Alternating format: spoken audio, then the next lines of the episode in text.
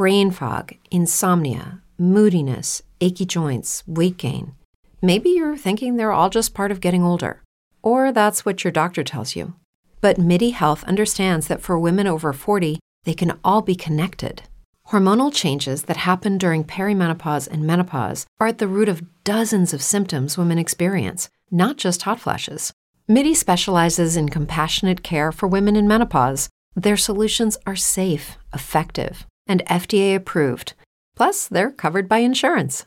A convenient telehealth visit with a MIDI clinician can be your first step to getting personalized care.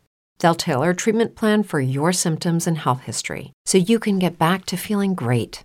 91% of MIDI patients get relief from symptoms within just two months. When your body changes, your care should too. Book your virtual visit today at joinmidi.com. That's joinmidi.com. As humans, we're naturally driven by the search for better. But when it comes to hiring, the best way to search for a candidate isn't to search at all. Don't search, match with Indeed. When I was looking to hire someone, it was so slow and overwhelming. I wish I had used Indeed. If you need to hire, you need Indeed. Indeed is your matching and hiring platform with over 350 million global monthly visitors, according to Indeed data, and a matching engine that helps you find quality candidates fast. Ditch the busy work. Use Indeed for scheduling, screening, and messaging so you can connect with candidates faster. And Indeed doesn't just help you hire faster. 93% of employers agree Indeed delivers the highest quality matches compared to other job sites, according to a recent Indeed survey. And listeners of this show will get a $75 sponsored job credit to get your jobs more visibility at Indeed.com slash podcast. That's Indeed.com slash podcast. Terms and conditions apply. What the hell I want to go off into and, go to work for? Work for what? Money? I got all the money in the world. I'm the king, man. I run the underworld, guy. I decide who does what and where they do it at. When am I going to run around and act like I'm some teeny bopper somewhere for somebody else's money? I make the money, man. I roll the nickels. The game is mine.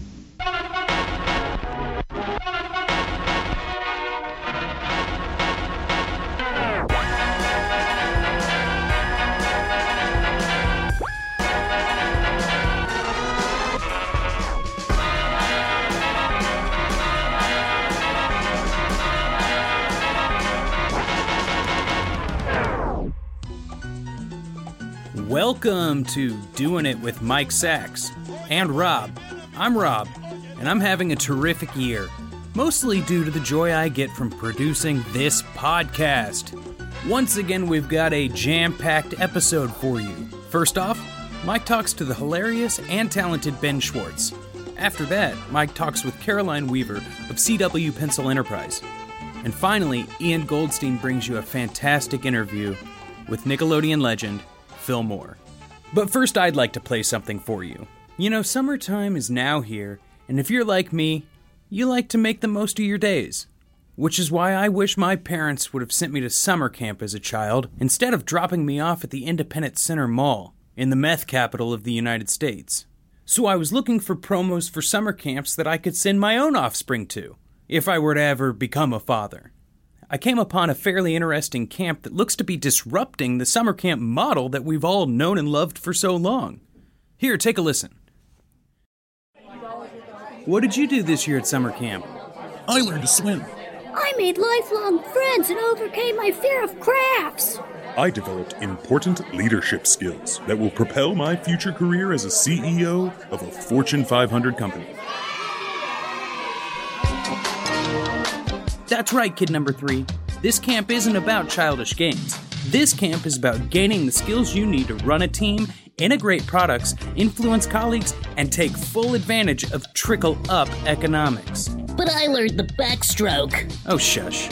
In case you haven't noticed, humans rule the land, not the sea. And the most powerful of those humans are called corporations.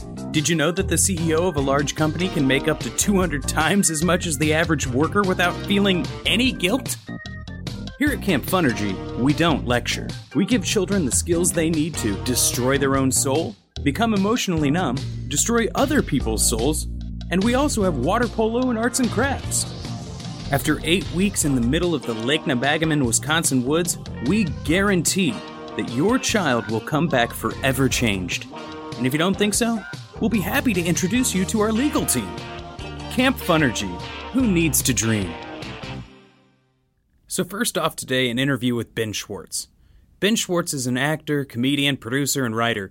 He was Jean-Ralphio on the sitcom Parks and Recreation, and then was on House of Lies as Clyde Oberholt. His film credits include The Other Guys, The Walk, This Is Where I Leave You, and he was the voice consultant for BB 8 in Star Wars The Force Awakens. Mike and Ben spoke by phone. I love this quote that I read from you. You said, Where I grew up, it was insane to think you could be an actor or a screenwriter. It was like you wanted to be an astronaut. I love that comment. I don't hear it enough. I'm always shocked when someone becomes successful and then acts like they've always belonged there, but th- that's not my sense from, from what I read about you. Yeah, it's just that my fam- my my mom is a Bronx school teacher, and my dad was a, a social worker, and then worked at the YMHA, and then he was a real estate guy. So it was it was uh, never in front of me. It was always to watch TV, and it felt like this, you know, like different universe that didn't exist. So it, wa- it wasn't even something that we discussed because everybody's job was so just like we had normal normal jobs, and this this to me is a very abnormal job and a very different way of uh, of uh, you know making a living for yourself. But it, it just was so so foreign to me because we we knew nobody. We knew nobody that did it. You know what I mean? Like I had met a doctor before. I had met people that worked at, you know, I met a veterinarian. I met, I, you know, I met a scientist. I met a teacher. But I never in my life met an actor. I never seen a famous person uh, up close before. Um, and so now that you live in Los Angeles, and I have a lot of friends that have kids, it's so funny because they see it and they know how real it is because their father's right, or you know, they're already thinking of you know their treatments for their pitches, and it's it's, it's such a different world, I guess. Uh, even though in New York there's a lot of art, um, we just never, it just wasn't, it just wasn't a thing. My assumption is, are you from the East Coast as well or no? Yeah, I'm from Northern Virginia and then Maryland. Oh, very cool. So, and, and your your uh, experience growing up seems similar to mine in that there just was never anybody that did these jobs. No one.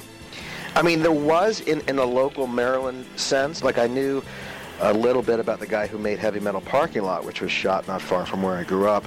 And What is Heavy Metal Parking Lot? you never heard of this?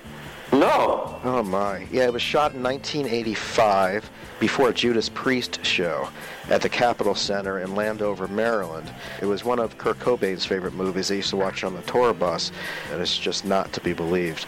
I mean, it's you got to watch it. It's just outrageous. I'm surprised you haven't heard of it. It's sort of No, I'm, I am excited. I'm writing it down right now. But that was like the world I grew up in. I sort of knew people who would uh, freelance for PBS or what have. I mean, very wonky type of Maryland, D.C.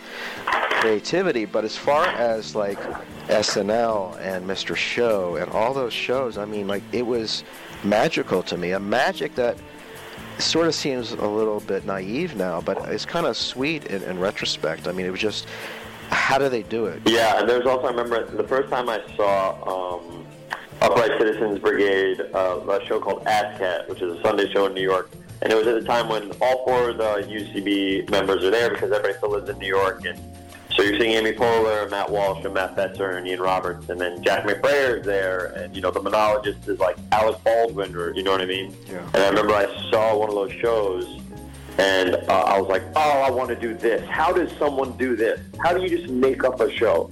That blew my mind. That with with nothing prepared and just four chairs on a stage, you could make up an entire show. And I was like, I want to, I want to try to do this very badly. And I literally asked how to take classes right after.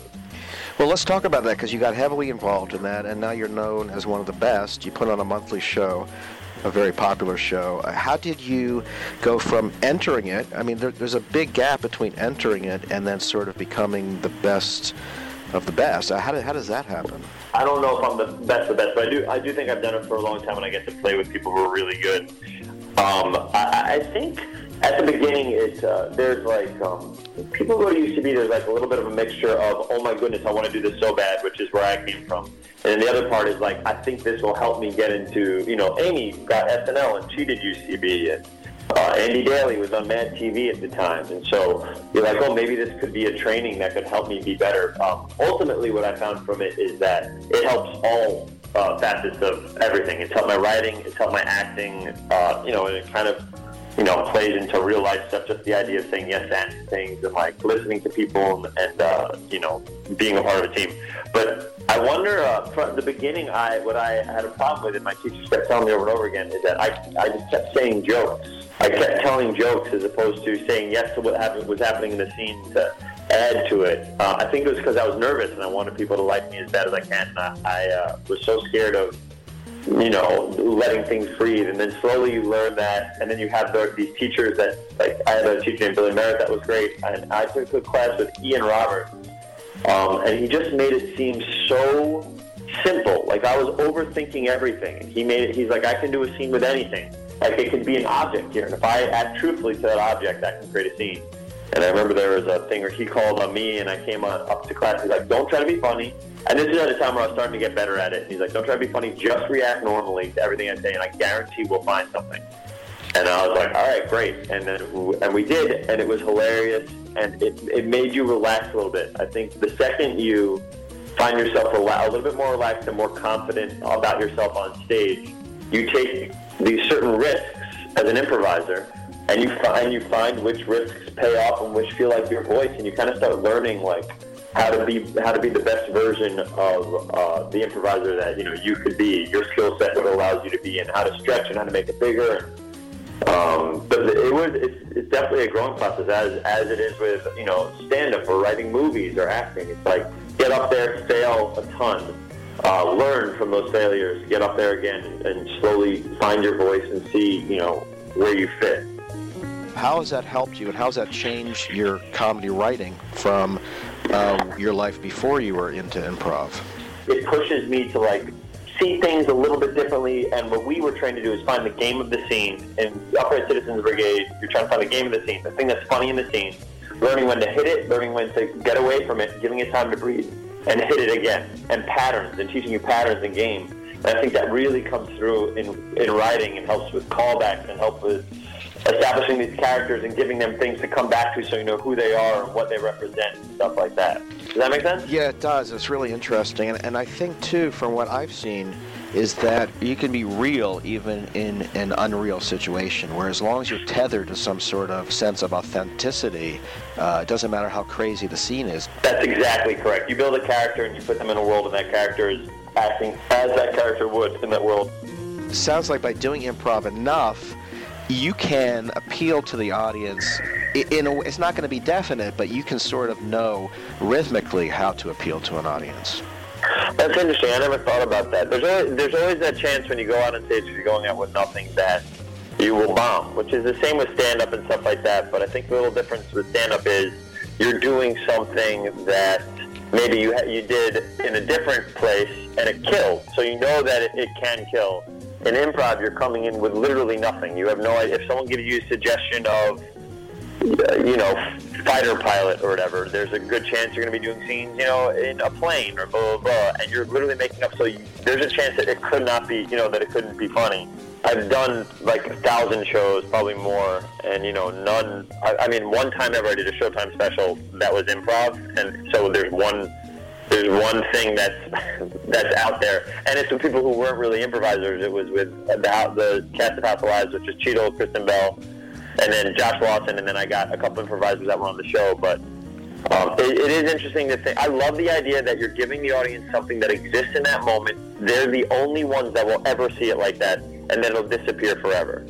Um, I love that. How rare is that but, these days? You know, it just doesn't. I mean, it's it's truly impossible, and it's also like everybody's filming things with phones, but it's at Largo or at UCB, you're not allowed to film it, so you're literally you're having an experience just with the audience. So there are those moments that when you have like a great show, you're like, oh man, it would be great. It would be great to have that. But I, I love the idea of they're coming in there knowing that you're going to give them something that will only exist in that moment and then forever disappear. And I think that's part of the contract that you're like that you're doing with them. And of course, when the show goes like, "Oh, I could have done better," you're like, "I'm happy that it, that disappears forever." But it is interesting to look back at thousands or thousands of performances and there's nothing tangible to touch. And if anybody explains the shows they saw, it's not the hardest thing in the universe is to explain improv. You can't do it. It's like near impossible. You almost talk like it's um, religious sand art that sort of dissipates after it's it's done, where you enjoy it in the moment, but you know that like everything else is not going to last. I mean, you just made this very depressing. Instead of talking about the joy, instead of talking about the joy, you literally, Mike, you just said we're all going to die. What's the point of anything? Is what I got from that. Well, I, even worse than that, I'm about to die in the next month. I have um, stage four. Are you kidding? Yeah, I'm kidding. See, that's my. Oh my god! that was that was so dark. I was like, "There's no way this person no, was no. not said one dark thing." See, now that's that amazing. I, I, have OCD, and now that I said that, I'm gonna have to do a lot of tics later to sort of hope that. Great, amazing. How how how deep is your obsessive compulsive disorder? Is it a matter of touching things a certain amount of time, or is it a matter of just anxiety and worry? Uh, tremendous amount of anxiety. I have a tremendous fear of germs, of um, vomiting, of um, travel. Oh, that's interesting. Of people vomiting on you or you vomiting? No, either. I mean, listen, when you live in New York, it's part of the plan, you know. Um, right. There's always some kid uh, who gets on in Chinatown who throws up. Everyone's used to that. But it was it was projectile vomiting on the on this Chinese kid, and he did it so close to me that it sort of sort of pushed me into a, an outer realm of OC. I actually wrote about this for the New York Times. That ever since then, it's sort of like I, I was catapulted into some sort of bizarre OCD world that I could never escape. It's, it's just worse. How, how old how old were you when it started? I was 11 when it started, and moving to the city, New York City, made it a lot lot worse. But you know, I'm the guy on the train with a um, paper towel holding onto the pole. You know, I'm that guy. Oh wow, you're really going for it. Yeah, yeah, I'm Jack Nicholson, and as good as it gets. Do you find that it, that it has made your life suffer in negative ways? Well, you know, I used to think so, but then when I started interviewing people, I've noticed that 75, well, and this is a rough estimate, I would say three quarters, 75% of those I've interviewed have OCD, and whether they're writers or in comedy. And what I've noticed is that it's an energy, and if you can funnel that energy into something positive, which is writing every day and creating and doing something, then it becomes a very powerful thing rather than circling the drain with tics. And yeah, I, by the way, I, I, I have some form of it as well. Really? And the idea of just just like I, I, it, it, helps me with my writing because I'll be like, I, you'll have to keep writing and stuff like that. I like finishing things. I don't like having things unfinished.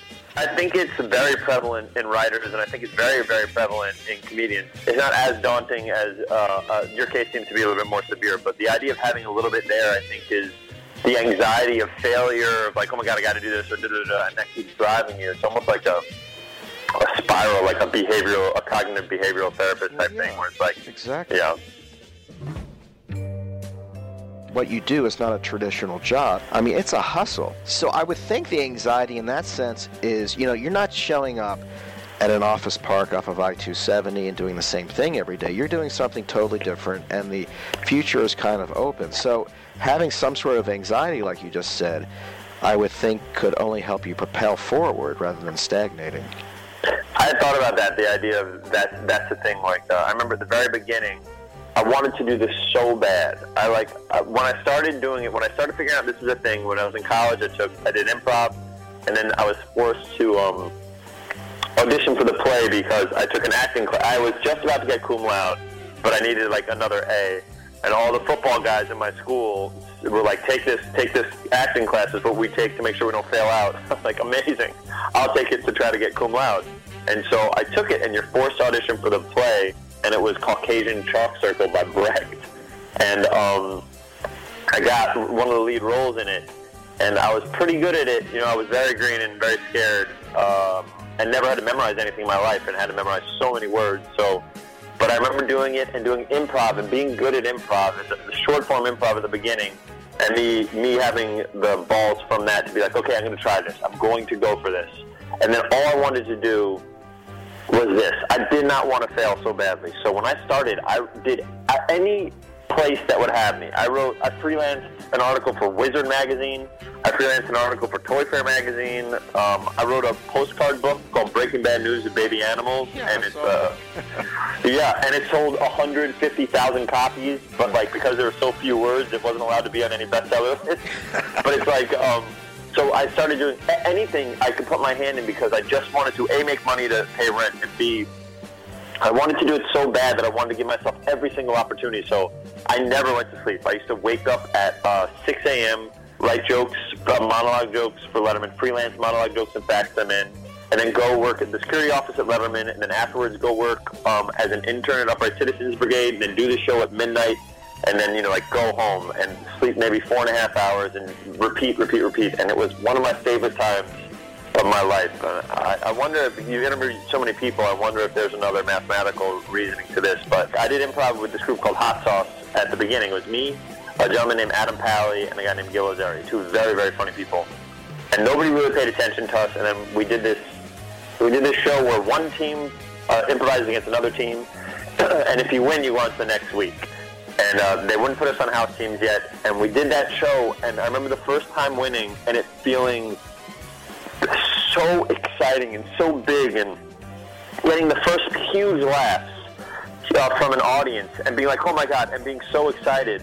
Um, and then that, that, that has to be some of the most fun I've ever had in my entire life when you look back on it. Or the hustle to get where I'm at because I had nothing and I would just trying anything and you're, you're failing with all your, you know, peers and stuff like that. So um, I always wonder why that always feels bigger than you know doing a movie, which of course is so exciting, but it, it becomes a job. And at the beginning, it's like, oh my god, there's a chance that maybe one day I'll be on stage with I'm blank. You know what I mean? Well, I think you were at that time. That is exciting. I mean, it was like when I first got published. You know, in college, I couldn't fucking believe it. You know, and then uh, you, you can tell at that point that you can get on that spaceship, that it's it's possible. And that's exactly correct. It's the idea that maybe there's a chance. I think that's correct maybe there's a chance that I could do this, and that's that's where all the it goes from there's no way to maybe there's a chance, right? Right, exactly. And then there's also a factor of because no one in my family has ever done this, I better work as hard as they did at their jobs, nine to five jobs. And if, it, if that is exactly correct. And also, I treat I treat comedy, not comedy, I treat my writing and my acting stuff.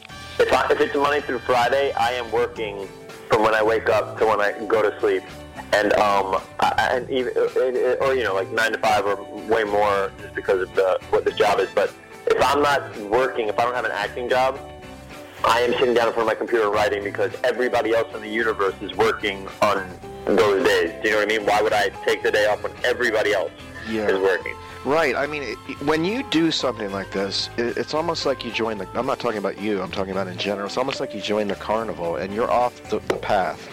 And because of that, you have to work harder. I mean, you're on your own, and there's no one to tell you what you what you have to do, what you don't have to do. And one of the things that I tell young writing students is you just you really have to work hard. I mean, anyone you see out there, whether it's David Sedaris or anyone, they're writing every single day.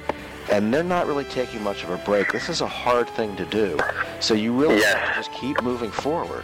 The way that I saw it was when I was taking improv, and I started to get pretty good at it. I looked around, and there were always people that were funnier than me. So I was like, the only way I'm going to succeed is if I work harder than everybody else. Get, and there's a, some, I mean, Mark Jackson, who was a New York Knicks point guard, said it once, and I'm certain it wasn't him, the first person, but the idea, uh, my dad used to say too, where it's like, uh, the harder you work, the luckier you get.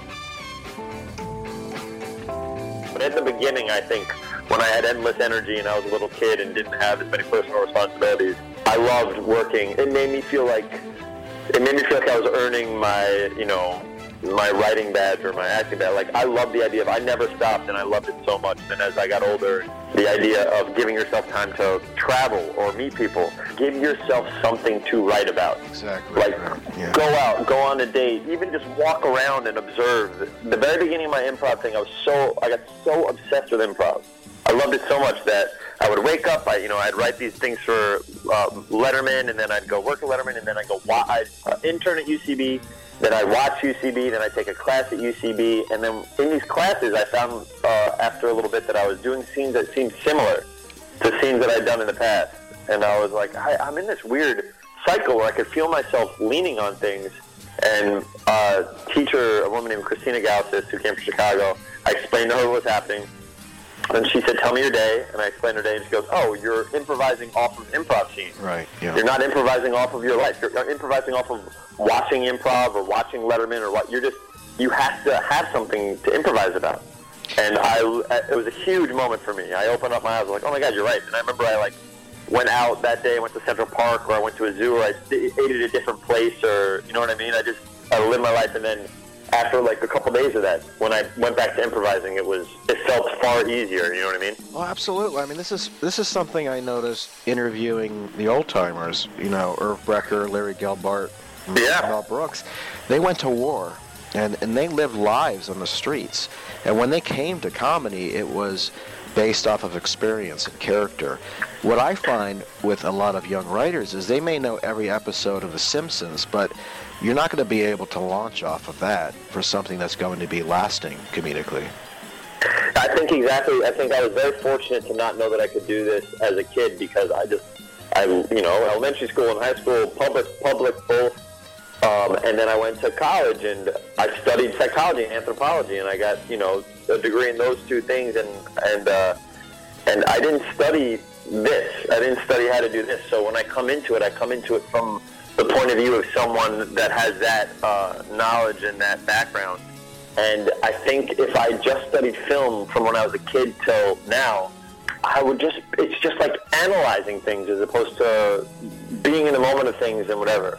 Um, of course, there are human beings that can do both. Like, you're, if you're aware of it, if you're aware, this is what I want to do, and at the same time you're living a normal life so you can get things, uh, you know, to, to, to imprint things in your mind. But um, yeah, I think it's I think it's really uh, important, and probably a reason what makes you a good writer is that you come into it from someone that grew up in Virginia and Maryland, and you can utilize those experiences to help form your writing as an adult. You know what I mean? Yeah, I mean, in retrospect, I worked retail until I was 25, and I worked in a record store behind a housing project. And at, at the time, I was absolutely miserable. But looking back now, there's so many stories that came out of it. And oh yeah. But I think it's, it's important too to not spend every night watching TV, is to get out there and go to a bar or meet meet new people, or just walk around, like you said, and observe. Um, I think there's too much insular activity sometimes going on, and until you go out there and meet different characters, the characters you create, even if they're nonfiction, aren't going to necessarily be as uh, fully fleshed out as they could be. And also, I feel like when you when you write characters, it's going to be some form of you know you have to ground. Even the craziest character has something to ground him or her. Right. So it's like you see those people and you start finding little things, even if it's just a tic, or even if it's just like um, a pathos, like a way a way this person thinks, or you'll use that to funnel into something else, as opposed to if you're watching Seinfeld every day and you're just like, oh, I'm going to make a character like Kramer. Like, no, you can find things in different people. Well, exactly. I mean, I always think of that character in Goodfellas, uh, Johnny two times. He said everything twice. I'm going to go get the paper. Yes, of course. Yeah. Who would have written that? I mean, that was obviously someone they knew, uh, which is more fascinating to me than any quip some fictional character can come up with. I agree. And it, I, I love that stuff. It's like a little bit you do with a friend that you come up with. You're like, oh, and then you find like um, you can put that into characters or feelings or beats I love little moments. So I have on my iPhone, I have the Notes app, and I just write any idea that comes in my head when I'm walking around. And the weird thing is, although I haven't really thought about this before, so I have ideas for, I have a line of dialogue that I think is funny, or a line of dialogue that I think is sweet, or I have an idea for a book or a movie or whatever. And then, to be honest, I write all these things down, and then I never look at the notes. I never look at them. I never use them. I don't understand. I never really thought about this, but like, I'll write it all down, and then the only time I use them is if I have to start from scratch and I have nothing for a movie or a TV show. And it's like, okay, well, I guess let me look at some ideas. But it, they become so many that you, I really don't look at them. I wonder why that is. But the process of writing them down, I find to be very helpful. I wonder if it's if it's reaching into that meditative state where you're not back at school working off an outline. You're just sitting down and letting your mind and experiences take you wherever. Yeah, and I also think it takes a little of the pressure off. I think um, at the beginning, I would write, rewrite, rewrite, rewrite so much, which is of course a huge part of writing. But sometimes you get in your own way, and I've, I, you know, I've helped produce some shows and watch some other creators. You got to make sure you're not getting in, in your own way, and you have to when you write it and you're like, this is fine. Move on. You can always come back to it. Don't spend hours. I feel like the people that have those screenplays that have never finished, yeah. they go over the the sections over and over and over again, and, and they just and they can't move on to the next one because they don't think it's like who cares? Who? You're gonna write another movie. It, every movie, no movie is gonna be perfect. Even the most perfect films of all time have flaws. You know what I mean? Or you'll find it out on the day. Yeah. I mean, either it's going to work or it won't. And the fact that the the, the joke on the 45th page that you've been mulling over for a year is going to work or not, it doesn't matter. And you have to pull the trigger. You, at some, I mean, I know so many people. I'll run into them after years, like, "Hey, man, what are you working on?" And it's the same script or the same article. It's like you gotta just move forward. You cannot. You have to let it go. Yeah. You have to let it go. And also, if you're having, if you're stuck on it so much, write something else. So get this one done so you can write something else. You know what I mean? This is the stuff that everyone always has to teach themselves. You know, no, no teacher. Mm-hmm. I wish a teacher had said that because I did. You know, when I first got out of school, work on the same thing for months or even years. But looking back, it's like, what the fuck was I doing? One of the biggest things that shaped my uh, childhood was Calvin and Hobbes. Really? because I was very hesitant to read because I found myself very bored by reading when I was a kid.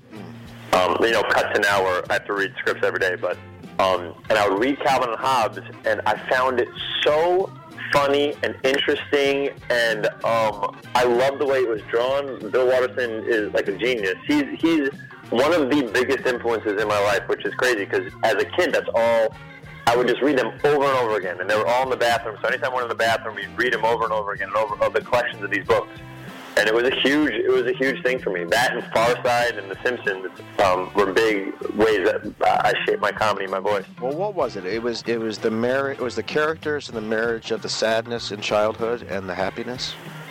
For Calvin Hobbes, for me, it was the idea of this kid that had endless energy and was smarter than everybody else. Like he was, he Bill Watterson wrote Calvin like, you know, one of the great minds in the world. When they would philosophize, um, it would be like these incredible things that you would never think about. And even as a kid, when I didn't understand it, there would always be a funny joke, like a panel away or something like that.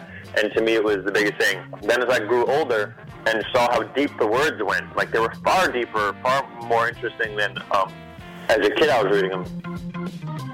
Do you have your five favorite comedic TV shows? Do you do this or no? Um, I don't want to put you on the spot, but if you could think your five favorite all-time, well, let me think about it. But meanwhile, you're locked and loaded, so let's go. What are your five?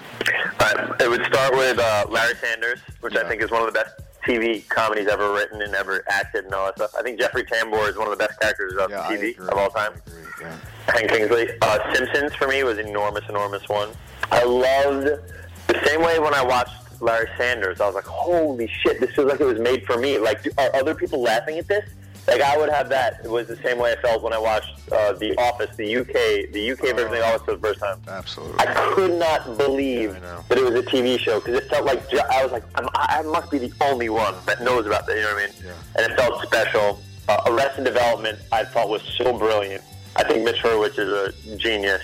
And then uh, Freaks and Geeks, Judd Apatow and Paul Feig's TV show. Wow. Uh, for me, I thought was a different level. When I when I watched that, I was blown away. And then, to, and I think in all those you'll find a great character. And I think Freaks and Geeks to me, Bill, uh, the Martin Starr's character, I think it was Bill Havlicek, Havlicek or whatever. uh, I think is one of the great characters on TV as well. Yeah, a lot. Of, we have a lot of overlap. I mean, when I first saw The Office UK, and I told this to Ricky Gervais when I interviewed him, was like listening to Sergeant Pepper's for the first time. You know, in the It's really special. It's really because you because you know I mean Sanders does a little bit of it, but it's like it gets in those moments that it's like it feels so real and so funny. Those actors are in such control that it feels like. By the way, you're talking about how it feels like a little improvised, although I'm sure it wasn't. But whatever Steve Merchant and uh, Ricky Gervais did, it felt like you're just a camera happened to be there while these guys are going crazy. amazing. Um, I love that feeling, and they're part of Sanders that felt that way also. Absolutely, yeah. That's another show I loved, and Freaks and Geeks I thought and still think is genius. But the the one thing you didn't mention, which was a huge influence on me, was very Cheers. well. I love that, but very very specifically, whenever Chris Elliott was on late night. Oh my God, he was phenomenal. He's about the he was phenomenal. He started as a writer for Letterman, right? Yeah, yeah, he did. And um, the stuff he did, especially early on, like the the scary as it was funny, the guy under the seats, like that stuff, I still think is ahead of its time. He's he's. There's some things, man. Like the comeback. The first the first season of the comeback when it came out was it was just too ahead of its time. It was so well done. Yeah. It's so because it's a comedy, but it's such a drama as well, and you're like so nervous and you feel so bad for every moment, and it's so brilliant. That's another movie, that's another TV show I think that if it came out at the right time would have gone on forever. A great Because- show. I totally agree. Oh my god! And the writing staff. If you think of the writing staff of some of these shows, writing staff for season four and five of The Simpsons, three, four, five was incredible. And then even going and watching Josh Weinstein and then Bill Oakley, you just write some of the funniest things ever. And then Conan's on that. And then you think about Larry Sanders show writing staff with Apatow and all these like incredible people. And then the staff of Dana Carvey's show, the writing staff. Every, literally everybody special in the universe is on that writing staff. Is there like a sentence that someone said in an interview that really has stuck with you and has changed you? The people that affected me the most are the older generation. Uh, Larry Gelbart, Irv Brecher, Peg Lynch. These people who, when I emailed them, they didn't have assistants get back to me. They didn't have their PR. They got back to me right away on their AOL.com accounts. I mean, these were people who they look at it as a career. They look at it as a hustle, and they don't look at themselves as being any better. Like Larry Gelbart is the sweetest guy in the world, and that guy was brilliant. I mean, he was flat out brilliant. So to be able to talk Yes. to these people, um, and you know, before they died, it was an honor for me to be able to talk to these people. What are you working on nowadays? What what can we expect from you? I just wrapped four movies. I finished four movies. I, I did them, yeah. And um, some are smaller roles, and then some are bigger roles, and one's one's a co-lead. And uh, one's for Netflix called Happy Anniversary. A guy named Jared Stern, who's a great writer, directed his first film. Now it's coming on Netflix. I did a movie where I got to have a role with uh, Jeremy Irons, who I find uh, I really look up to him. And by the way, that's someone who loved the idea of the improvisation aspect of acting because when we did scenes, we would just be in them, and it was he's he is so good, it's insane. Yeah.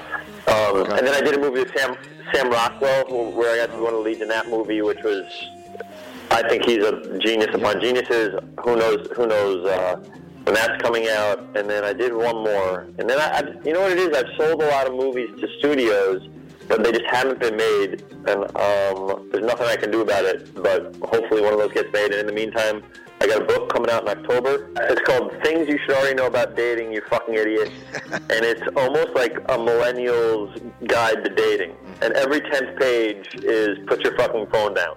And the whole idea is uh, me and my friend Laura Moses wrote it, and I thought it'd be great to have a girl's point of view and a guy's point of view in it. And there's a hundred tips about dating, like before the date, during the date, after the date, if you're living together, blah blah. blah. And then after each tip, it's a girl and a guy discussing the tip, either arguing with it, saying it's bad, saying it's good, showing what happens if you follow it, showing what happens if you don't follow it. And there's a, an illustration. So the whole idea is we're kind of like making it like treating you like a dumb idiot. Like here's a stick. It's a stick figure illustration, a tip, and then us going back and forth. I think it's going to be. I, I really like the way it came out. We just got approved. We just did our last edit. We, the galleys are coming out. It's like I'm, I'm really excited. And that one's with Hachette Books. That comes out in October. And then um, I'm and then this is the first time that instead of selling a uh, my next screenplay to uh, studio, I'm writing it by myself with the hopes of maybe you know, like um, did Happy Anniversary for Netflix. Maybe there's a way for me to, you know, maybe direct and star in one of my own guys. Uh, uh, which who knows? I got uh, so I'm, I'm probably two to three weeks away from finishing that film, and then um, that's it. I help produce a friend's TV show and trying to just keep busy. And uh, I, I love acting, so I'm trying to figure out the next TV show I'm going to do, which I'm working on for a little bit, and then just trying to grab movies. I, much like what you said, the, the whole idea of hustling and having every iron in the fire that I can possibly. Still, I still maintain that thing. Ben um, Schwartz, you're working the hustle, man. I, I really am impressed. I mean, you're doing it like it should be, and you're doing it well. You're not just popping shit out, but it's it's good stuff. So Thanks, man. I, from, coming from you, that means quite a deal. So I really appreciate that. To find out more about Ben, follow him on Twitter at Rejected Jokes. Next up, an interview with Caroline Weaver, the owner of CW Pencil Enterprise, a shop dedicated to a plethora of different types of pencils and stationery located here in New York City. In this short interview, Caroline and Mike spoke by phone. where did your, how did your interest? I was about to say obsession, but let's say interest in pencils. How did this begin? It began when I was a child in a small town in Ohio. My mother is really into office supplies and art supplies. Um, she's very much an analog type of person, as am I, because she raised me that way. Um, and she always had good pencils around our house and really preached the value of having really great tools to work with. When we were kids, the, the two things that she would always buy us without question were always art supplies and books. And so for that reason, we were always surrounded by lots of really great like art supplies and office supplies and pencils. And it just kind of grew on me. I don't even think there's like one particular time when I decided like this is the thing I'm interested in. Um, it's just the thing I like. I like. I, I've always just appreciated how like tactile pencils are. I was trying to think of this earlier today. Why do I like pencils so much more so than pens? Why do you like pencils more than pens? Because there are people out there who collect pens. More so than pencils, I would say. Um, that's a completely different demographic. I like pencils because they're simple. You don't have to worry about it exploding on a plane. You don't have to worry about it running out of ink or breaking. Um, it is what it is. It's, it's, in a nutshell, a stick of graphite cased inside two pieces of wood. That's all it is. Um, there's no real way that it could like malfunction to the point that you just simply can't use it. Um, so for practical reasons, a pencil has always made a lot of sense to me. Um, but I, I also really like that writing with a pencil is a really sensory experience. I like that it smells like something and it feels like something and it even sounds like something. Um, and that you have to sharpen it to make it work and then eventually it just disappears and you're left with a tiny stub, which is almost just basically a souvenir of whatever you had done with your pencil. I was thinking until I had a child that perhaps it's sort of a lost thing, pencils, but I brought my daughter into the store and as you saw, she loves pencils and I love the fact that it's not just about electronics, that she can go to a pencil and feel it and feel that tactile sensation. There's almost more of a, a stronger link between page and the hand when, when you're writing, physically writing, than you are when you're typing. Yeah, I think a lot of that kind of has to do with the freedom of using an object that like has has hardly any confinements. Like if you're on a computer, you you have a choice, like what typeface you're going to use, what program you're going to use, any of those sort of things. But with a pencil, you can kind of do whatever you want. If you want to scribble all over your page, you can do that, and it takes two seconds, and it's you can see it, and it's right there. I don't know. Yeah, I think I think for me, at least, it's a it's a freedom thing. Freedom to make mistakes and freedom to be as creative as you can possibly be in a way that you, that maybe a, a computer or a phone or a tablet won't like can't allow you to just because of the constraints of what you can and cannot do on a computer. And especially, I think with the pencil, I guess a crucial thing to mention is that you can't erase it. Um, so yeah, I think I think there is a real freedom to be creative and to also be okay with making mistakes, or yeah. to write things or draw things that are a bit more daring, even. Yeah, I think so too. I mean, when when you look, when one looks at a manuscript that's that's been edited by pencil, there's, it's almost a work of art, and you can see where the mind is working and going in a direction that maybe isn't so vertical or horizontal that you would see if it was done on, on a computer. Definitely a lot more interesting to look at. Yeah, I, I mean, it's almost more free form. Right, let's talk about my absolute favorite pencil, the Blackwing yeah. Palomino Blackwing. Now, you are one of the world's foremost expert on this. Can you talk about what this pencil meant to writers in the mid 20th century, including Nabokov, and what happened to the company? So, the Blackwing 602, um, now made as Palomino, as a Palomino Blackwing 602. Um, was originally made by a company called Eberhard Faber. Eberhard Faber was a descendant of the Faber family in Germany, um, who company eventually evolved into Faber-Castell as we know it now. And he came to the U.S. in the 1800s to start up a U.S. subsidiary and ended up starting his whole a whole different pencil brand. And eventually, his sons, when they took over the company, made this pencil in the early 1900s called the Blackwing 602. And um, at the time, pencils were pencils were pretty much figured out. People were kind of all making them the same way, with um, a core made out of graphite and clay and water. It was fired in a kiln um, to make it hard and usable. Um, but the Blackwing 602 is regarded as at least America's first very premium writing pencil. And the reason why is because it had wax added into its core to make it to make it smoother. And that's where the motto of the Blackwing that's also printed on the Palomino version, um, half the pressure, twice the speed comes from. The idea was that it was a faster writing pencil. I would love to have been a fly on the wall in the marketing meeting about this. That would have been really funny. Um, but yeah, so it was marketed as a fast, efficient, smooth, comfortable writing pencil. And the thing that most people recognize it for is the ferrule on the end. And in case anybody doesn't know, um, a ferrule is the metal piece that holds the eraser onto a pencil. And on the Blackwing, the ferrule is flattened and it has a rectangular eraser that fits into it with the help of a little clamp so that you can pull the clamp out and it removes the eraser and you can replace it or kind of pull it up and scrunch it in there and use it until it's very, very short. And this was a favorite of writers because it was a beautiful pencil. It was flat. It didn't roll off of a table. It was smooth, easy, comfortable to write with. It was also just a little bit nicer than anything else that was out there. And it was always popular. It was never, when it was around originally, it was never like a super, super famous pencil. And you have to remember, too, that this was at the height of the pencil industry in America. The pencil industry was booming. There were lots and lots of companies making very good quality American pencils. Eventually, Eberhard Faber was bought out by Faber-Castell. At the time, the machine that made the clips that hold the eraser into the ferrule of the Blackwing pencil was broken, and there were there. I mean, there was a sizable backstock of clamps um, that could be used for Blackwings, and so Faber-Castell continued to make the Blackwing 602, I believe, through the early 90s. So they eventually ran out and just decided to nix the whole idea altogether, and so the Blackwing disappeared for a couple of decades until Palomino, which is a company in California, brought it back. How many original pencils exist?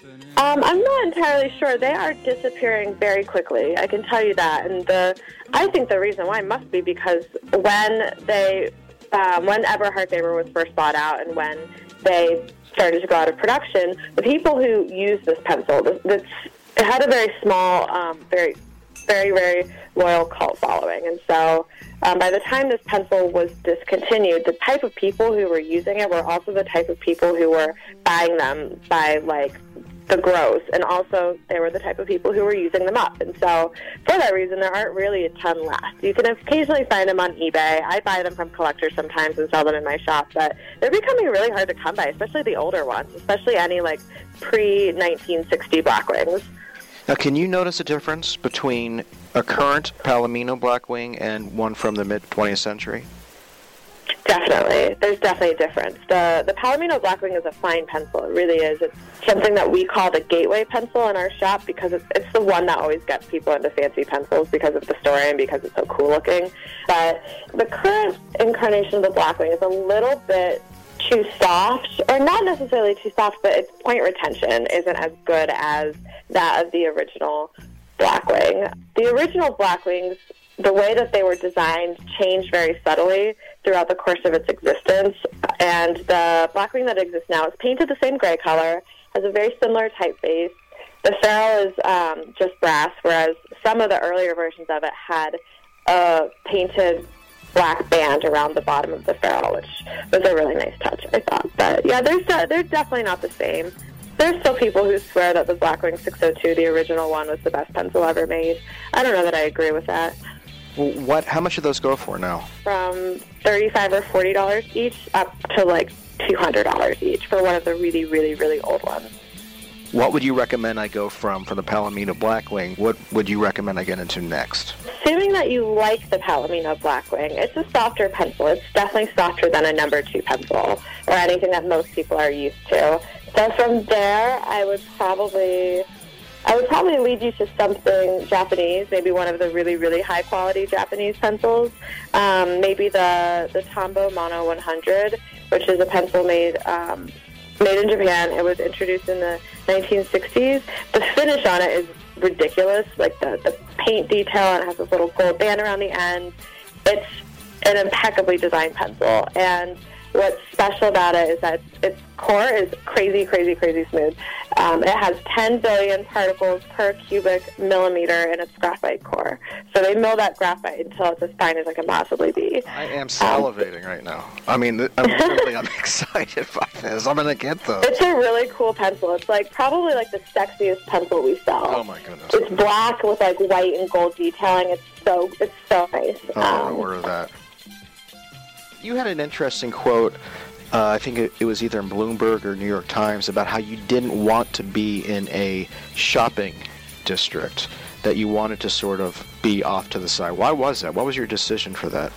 I suppose a lot of it has to do with the fact that we are in New York City, where gentrification is a real thing, and neighborhoods are labeled for for being, I, I guess, known for certain things. And um, I mean, I, I run a shop where I expect people to come and buy things, but it was important to me to not necessarily be off the beaten track per se, but um, to be just be in a neighborhood, just be in a neighborhood where I could know that know my neighbors, where there are tourists, but it's not overrun by tourists, where um, crazy things still happen on the street sometimes, and there are businesses, but not too many businesses, where it's not people trying to be, I guess, so competitive about making our neighborhoods as great as it can possibly be. Just where just where people exist and where people might just happen to be passing through. I like the idea that a shop like mine is one that just has to be discovered.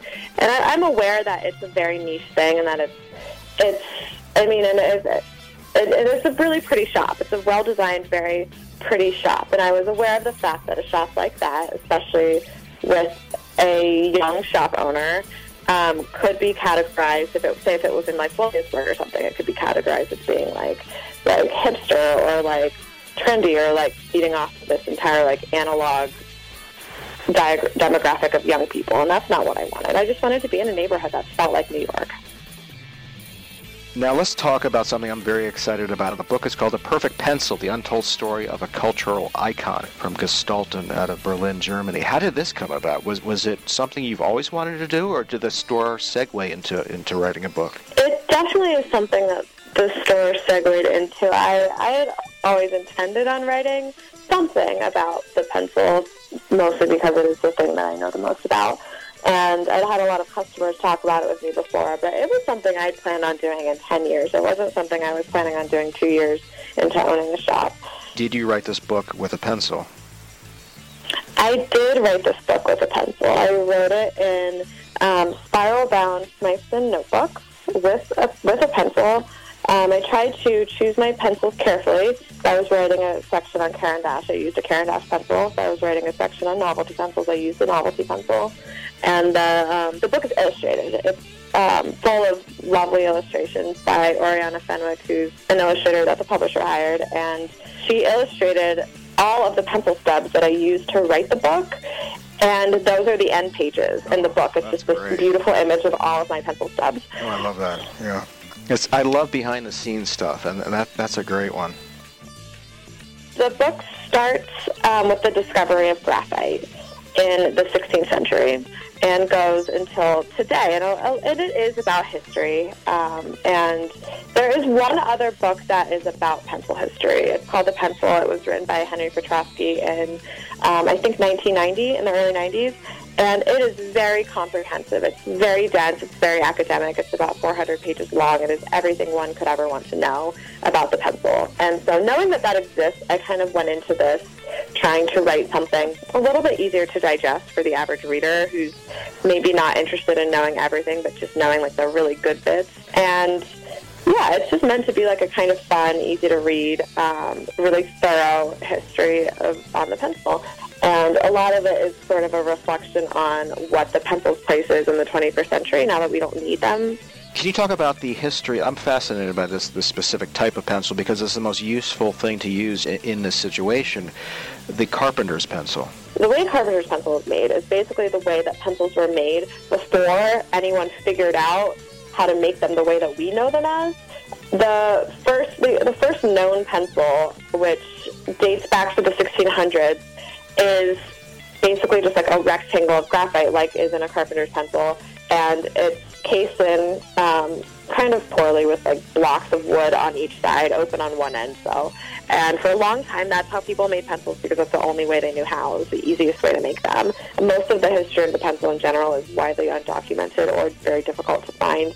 But they're made to fit into a tool belt. There's some that are very long, and I haven't really haven't figured out why those ones are so long. There may be only two that I know of. Um, they're meant to fit behind an ear. They're meant to be able to be used sort of as a level. They're meant to be used as a straight edge. They're easy to cut with a knife, so you sharpen it with whatever you've got in your tool belt. The carpenter's pencil is a pretty pretty great tool, but it's also the closest example we have to a very primitive pencil. Now, I don't know if you are willing to talk about this, but when I was in the store, you gave me a bit of very exciting news. We are introducing a new pencil being made by Caran d'Ache in Switzerland. We're calling it the Editor, and it is a pencil that is double-ended, just like a blue and red pencil would be, except instead of blue, it has a really high-quality HB graphite core on the other side. So the idea is that you can you can write with this really nice pencil, and then when you're ready to mark something up or edit it, you just flip your pencil over, and you don't need to carry a regular pencil and a red pencil with you. But no, Mike, seriously, for the longest time, I, I knew you as the red pencil guy. really? Because that's all I ordered? Yeah. Well, yeah, and you would occasionally email and ask if there were any new red pencils. When I heard about your store opening, it was exciting in a sense because, you know, where else would I go to ask about this? And right away, you sent me to uh, the perfect red pencil, which I use to this day, and actually which I've turned on, I think I told you, to the entire Vanity Fair editorial staff. So you have that going for you as far as advertising. Thank you so much, Caroline. I'm going to order that. What was it, Tombow Mono? Tombow Mono 100. I will send you a package when those editor pencils come in, Oh, and I will put those in there. Don't worry about ordering them. Oh, that's so sweet. Thank you so much. All right, I'm a huge fan of, of what you're doing. I'll be back soon, and I'm excited about uh, the new book and everything else. So, congratulations on all the success, and uh, I'll talk with you soon. I'll send you some more questions about red pencils. Wonderful. Thank you for having me. Find out more about Caroline Anders' shop at cwpencils.com. For our final interview of this episode, friend of the show Ian Goldstein speaks with comedian, host, and producer Phil Moore. Phil is probably best known as the host of the Nickelodeon game show Nick Arcade. After Nickelodeon, Phil went on to be a producer on the G4 network, HGTV, BET, and much more. This Emmy award winning host now has another project he's working on, and so Ian and Phil talked over Skype. From a background of hosting Nick Arcade and writing and producing television shows, what was the thing that got you to want to do Battle Arcade? Um, it is the it, it is what I call the awesome '90s kids that are all grown up. Seriously, that really was the motivation. Um, I kind of came into this whole thing of this new sort of '90s retro kind of resurgence thing, kind of late into the game. I've only been doing this for like a couple of years, so I wasn't really aware of like the love that was still out there for a lot of these, you know, a lot of these old classic shows. So when I started making the rounds and making an appearance at gaming expos and, and, and cons and stuff like that, people would show up like by the hundreds and thousands and, and they kept talking about like, wow, Phil, wouldn't it be cool like if we had like today's technology and did a video game show? And the answer was like, yeah, yeah, that would be cool, you know? But the thing about uh, doing this new thing, uh, Battle Arcade, was this. Nickelodeon still owns the rights to Nick Arcade. Because honestly, the first thing you would think is, let's just do a reboot. Let's just bring it back. So um, we couldn't just do like a complete ripoff without hearing some from attorneys and stuff. But we all play games now, and we're all not little kids anymore. That was the common thing.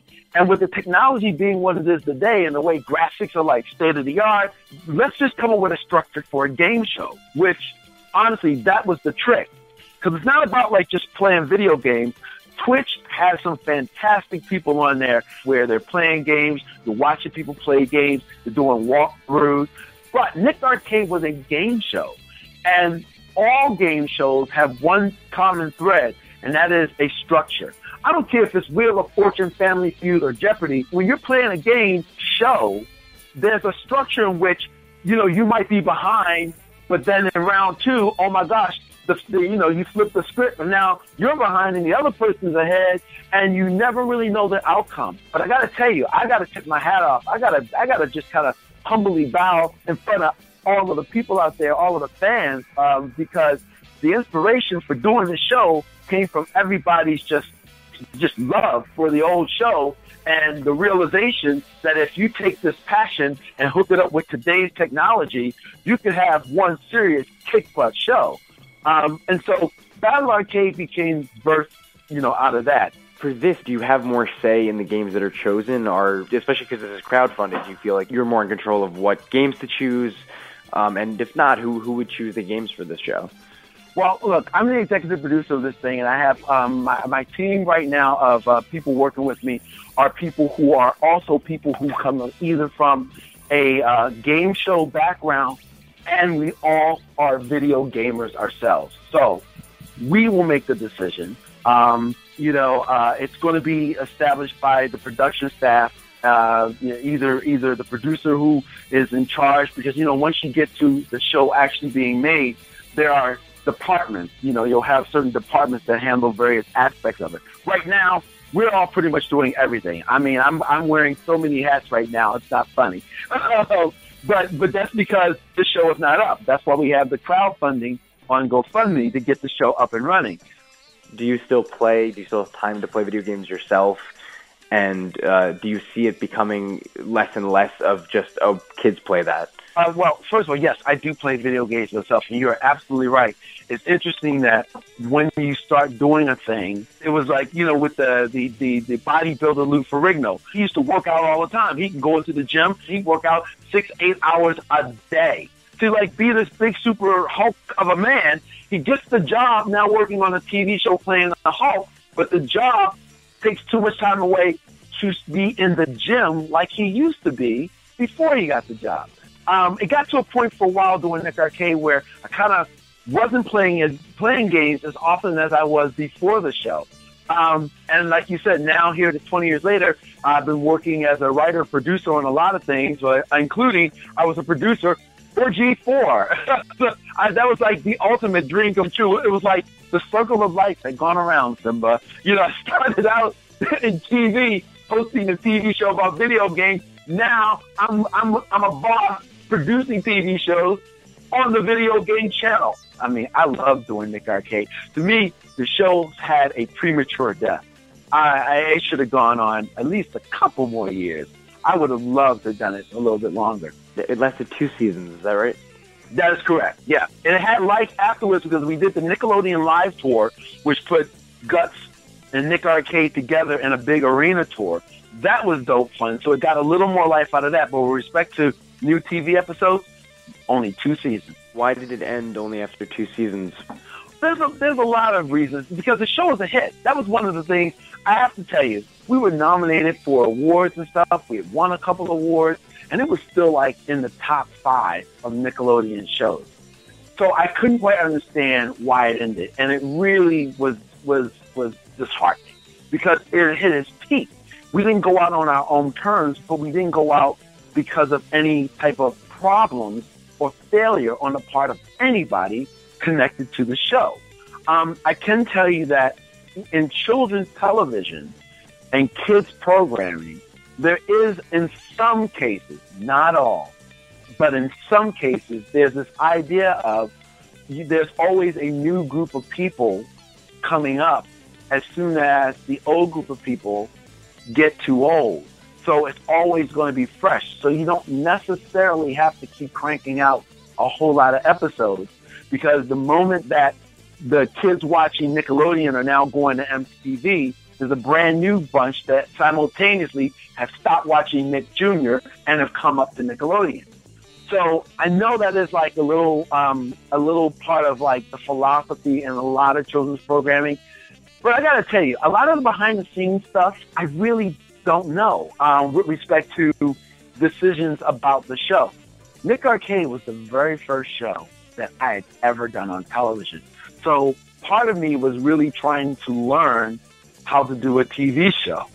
So if it did, if it wasn't under my list of things to do, I wasn't doing it. you know, if it wasn't if it wasn't under the category of need to know, I had so much that I was like, you know, working and trying to learn to do well um, that I didn't, you know, distract myself with uh, stuff that really wasn't on my need to know list.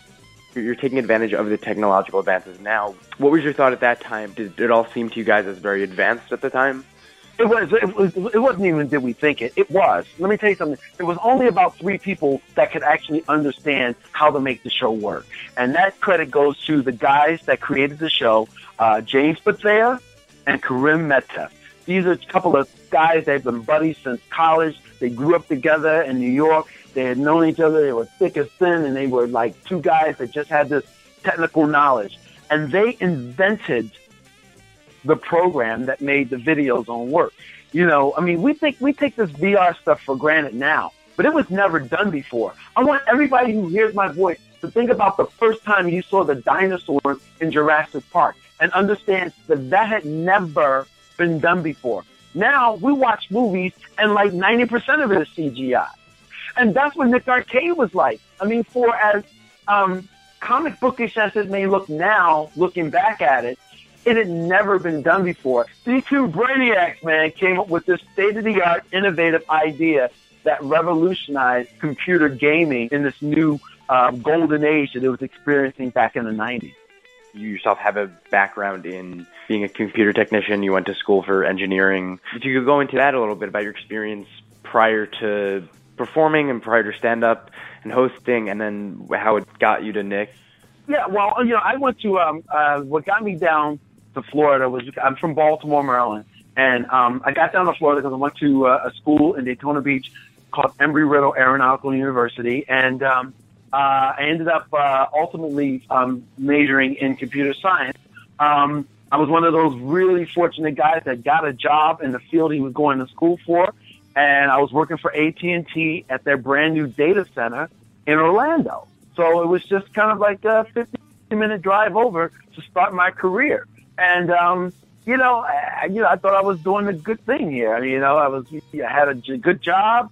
I, I, I think I'd just gotten married. And, um, the thing that, uh, got me in that weird mode of shifting careers was a strike. I mean, it's really weird how something that you would look at as being kind of like a, a bad thing um, turns out to being a really positive, life changing thing. I'm out there on the picket line. Um, none of us are making any money. We don't know how long the strike is, is going to go for.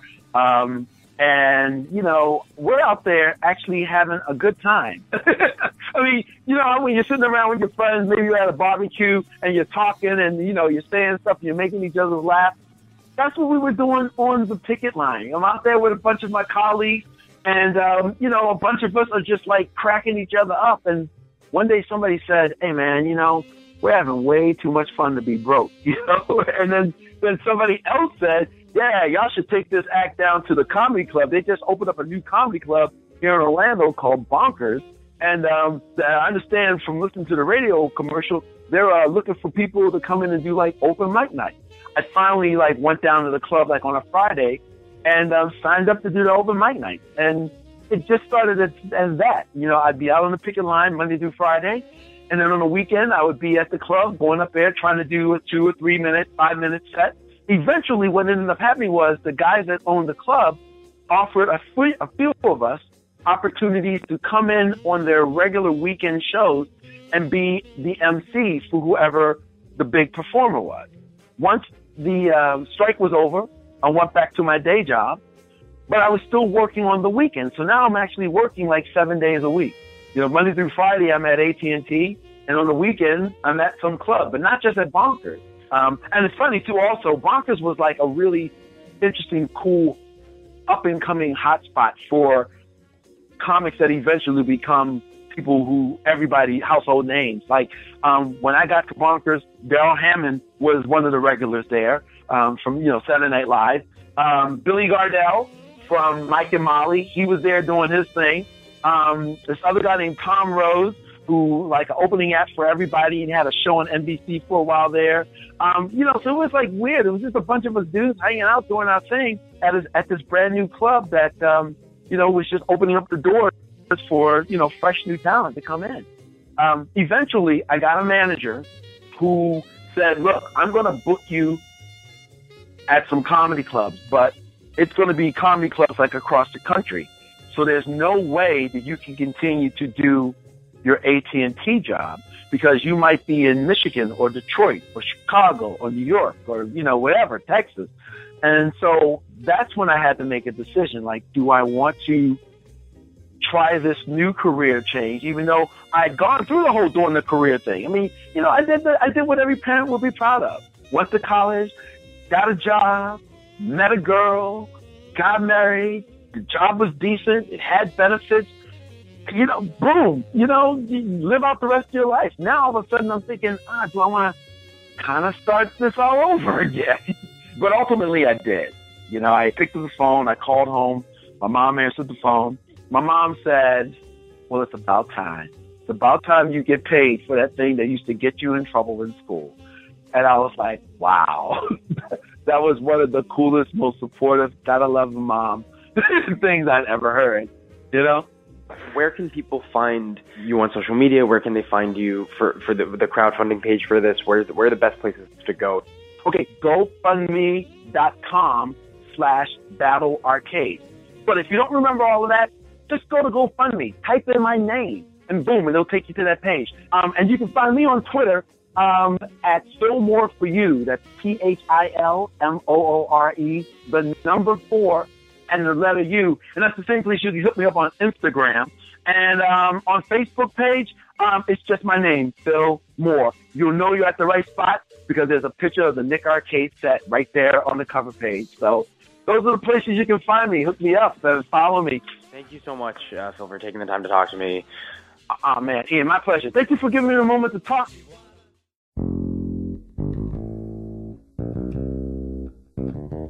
That's it for today's episode. Please leave us a rating and review on iTunes to help with our visibility.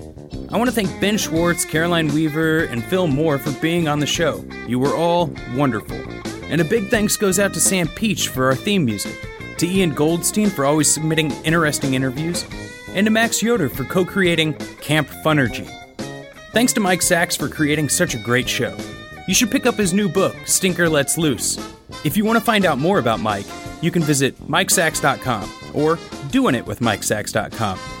If you want to contact me, hit me up on Twitter at Rob K. Schulte. That's R O B, the letter K, S C H U L T E dot com. So until next time, keep your feet on the ground and keep doing it.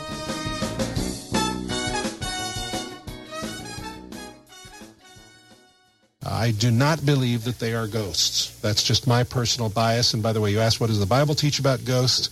Um, there is really nothing in the Bible that would that would encourage us to believe that we can have contact with those who are departed. It's on what her going toward the light means in terms of her own choices. See, we can be deceived by spirits of darkness. Okay. But uh, it, it just kind of depends on what the origin of it is. I vote for the fact that what's going on is something that needs to be understood very deeply within her. Okay. And I would vote for a professional counselor who's a Christian.